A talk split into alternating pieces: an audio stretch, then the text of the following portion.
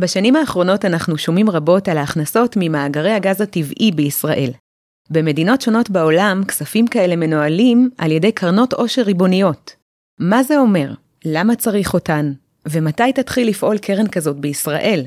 כל זאת ועוד, מיד לאחר הפתיח.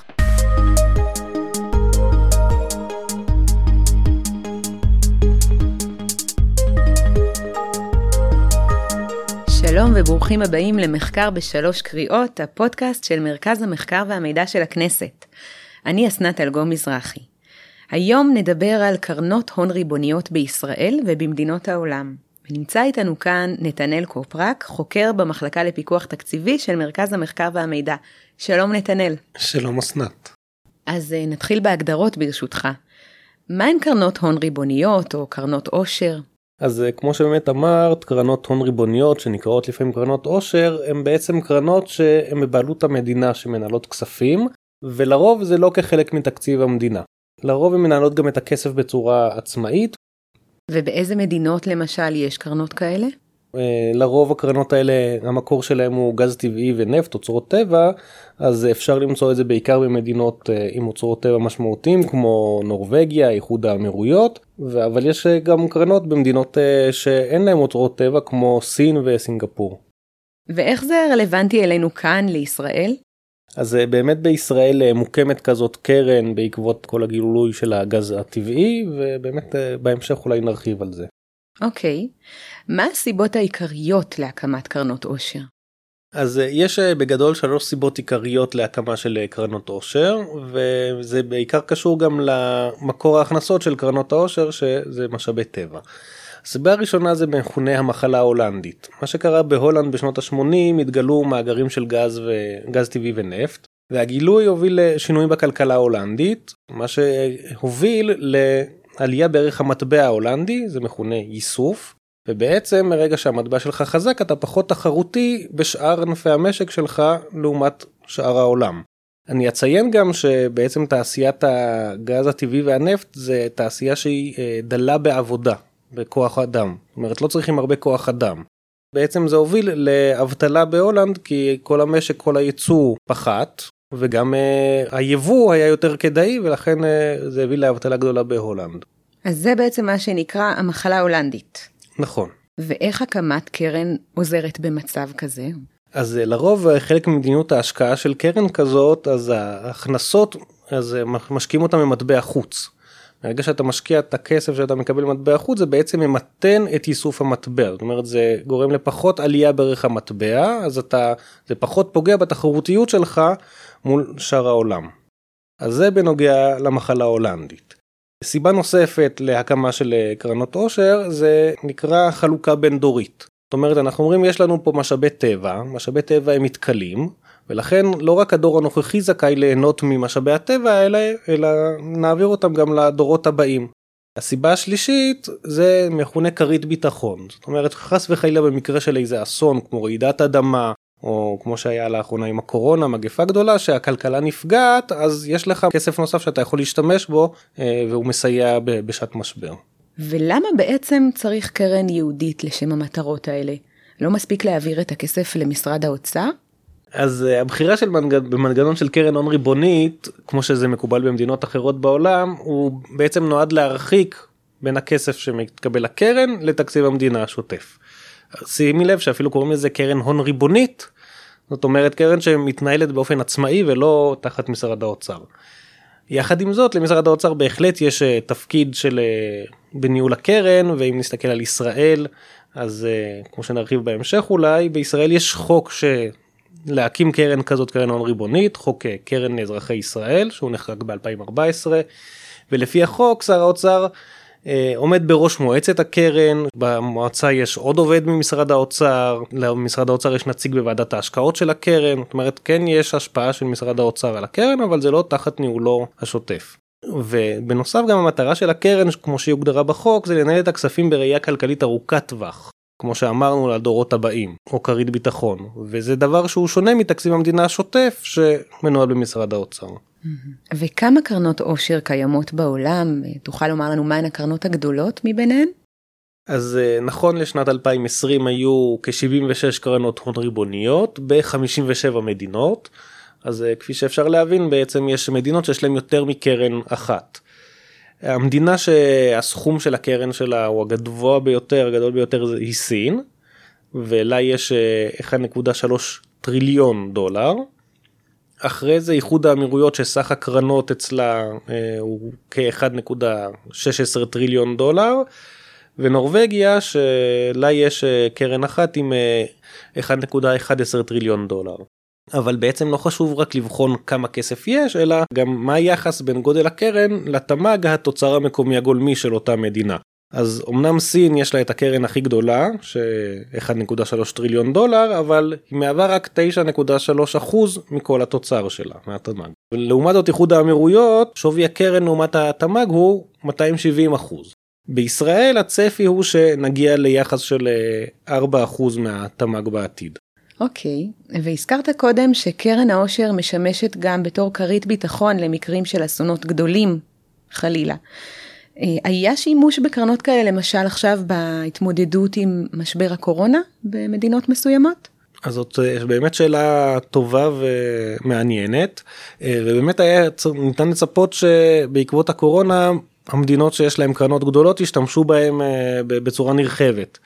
אבל דווקא לפי הנתונים של הפורום הבינלאומי לקרנות אז מתוך 3.7 טריליון דולר שמנוהלים בקרנות הון שמנהלות משאבי טבע אז המדינות אה, הודיעו שהם משכו בשנה שעברה של הקורונה רק 100 מיליארד דולר יותר ממה שהם ציפו. זאת אומרת רק שלושה אחוזים מהנכסים המנוהלים אז נמשכו יותר.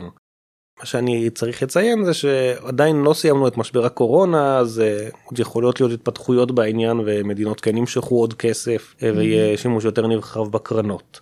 אבל ההסבר שלא נמשכו הרבה כספים מהקרנות אה, שמדינות בעיקר המדינות החזקות אז היה להם עדיף ללוות כסף על מנת לממן את המשבר הכלכלי של הקורונה מאשר למשוך כסף מהקרן כי הריבית על הלוואות היום היא מאוד נמוכה ולעומת זאת התשואה האפשרית בקרנות היא הרבה יותר גבוהה מהריבית שגובים על ההלוואות שהמדינה תיקח ולכן עדיף להם אה, להשאיר את הכסף בקרן וללוות כסף.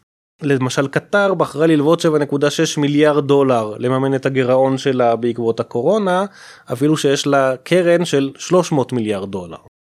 דבר נוסף שצריך לזכור בעקבות הקורונה שהוא משבר כלל עולמי ולכן אה, כל המדינות יפגעו בו ביחד אז ההשפעה על שערי חליפין ועל דירוגי אשראי אה, הייתה מאוד קטנה בעקבות המשבר.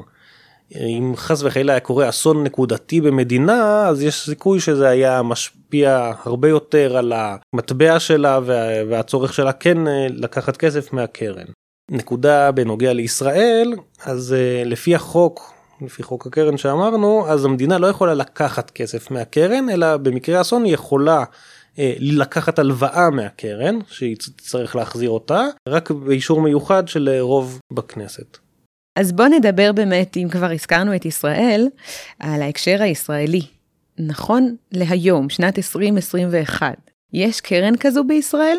אז אה, נגדיר את זה ככה, בהתהוות יש אה, קרן, בתהליכי הקמה. אה, בראשית שנות האלפיים אז התגלו פה תגליות גז גדולות, תמר ואחרי זה לוויתן. ובעקבות זה הוקמה ועדת שישינסקי והחליטה שתקום בישראל קרן עושר שיגיע אליה מיסוי מגז טבעי.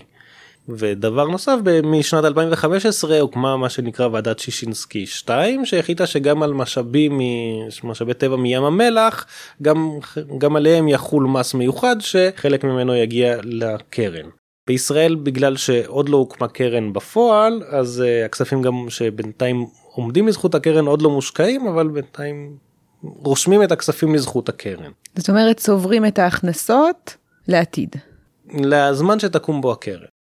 ולמה עוד לא התחילו להשקיע את הכסף בעצם? אז כמו שאמרתי הקרן אה, עדיין לא הוקמה לפי החוק אז אה, הקרן צריכה לקום כשיעמדו לזכותה מיליארד ש"ח מיליארד שקל. בשנת 2020 היו לזכות הקרן כחצי מיליארד שקל ובעצם הסכום הזה רשום לטובת הקרן. הצפי הוא שעד סוף שנת 2021 נגיע למיליארד שקל ואז בעצם תקום הקרן בפועל. אחרי שתקום הקרן אז יקימו גם ועדת השקעות שתחליט על הפרמטרים להשקעה ואז בעצם הכסף יתחיל להיות מושקע. אה, על פי החוק אני אציין אה, ההשקעות צריכות להיות צריכות להיות אה, בחוץ לארץ ולא בישראל כמו מהסיבות שדיברנו קודם על עיקר המחלה ההולנדית. אוקיי okay, זאת אומרת ההשקעות של הקרן הן מתבצעות רק מחוץ למדינה. כן זה על פי החוק בישראל בבדיקה שערכנו אז המדינות ש... שהמטרה של הקרן היא למנוע התחזקות של המטבע אז באמת רוב הכסף מושקע מחוץ למדינה ולא במדינה. ואם אנחנו נדבר רגע על הציבור אז איך אה, הציבור אמור ליהנות בעתיד מקרן העושר בישראל? אז אה, כמו שאמרנו אז על פי החוק כאשר יצברו בקרן מיליארד שקל היא תתחיל לפעול ועל פי החוק בכל שנה במהלך עשר השנים הראשונות שלושה וחצי אחוזים מהסכום שנצבר בקרן יעבור לתקציב המדינה אה, ואחרי עשר שנים יראו מה ממוצע התשואות שהקרן עשתה וממוצע התשואות הוא זה שיעבור לתקציב המדינה. אני רק אציין שבישראל יש שני כללים פיסקליים אה, יד גירעון תקציבי וכלל ההוצאה שהם בעצם מגדירים עד כמה אפשר להגדיל את תקציב המדינה. ובעצם הכספים מהקרן הם לא נכללים בהגדרות האלה ככה שבסופו של דבר הכספים מהקרן הם תוספת על התקציב. הם תקציב נוסף שאפשר להוציא בזכות הקרן. והם לא באים בעצם אה, להחליף סעיף מסוים. בדיוק, הם לא במקום אלא בנוסף. כתוספת. בסדר גמור.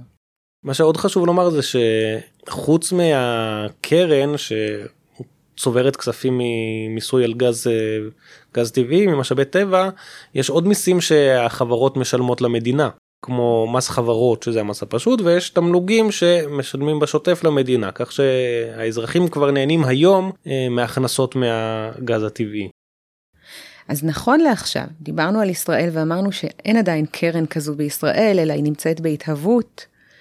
יש איזושהי הערכה מתי כן צפויה להיות קרן כזו? כמו שאמרנו באמת לא לא לא הוקמה עדיין הקרן אה, כי עדיין אה, אין לזכותה מיליארד שקל. והצפי הוא שעד סוף שנת 2021 יעמדו לזכותה מיליארד שקל ואז היא תקום על פי החוק למרות שלאחרונה גם אה, רשות המיסים נתנה הערכות שונות אה, יותר נמוכות. אה, אני צריך לציין שבכנסת ה-23 היה ניסיון לקדם חקיקה שתגדיר שהקרן תקום כבר בתחילת שנת 2021 ללא קשר לכמה כסף עומד לזכותה אבל בגלל שהכנסת ה-23 פוזרה החוק הזה לא לא קודם. לא קודם. אוקיי נתנאל אנחנו מתקרבים לקראת סיום ואני רוצה לשאול אותך אם יש נקודות נוספות שכדאי לשים לב אליהן בהמשך. אז באמת אחד החסמים להצטברות מיליארד שקל בקרן אה, זה מחלוקות מס בין חברות הגז לרשות המיסים.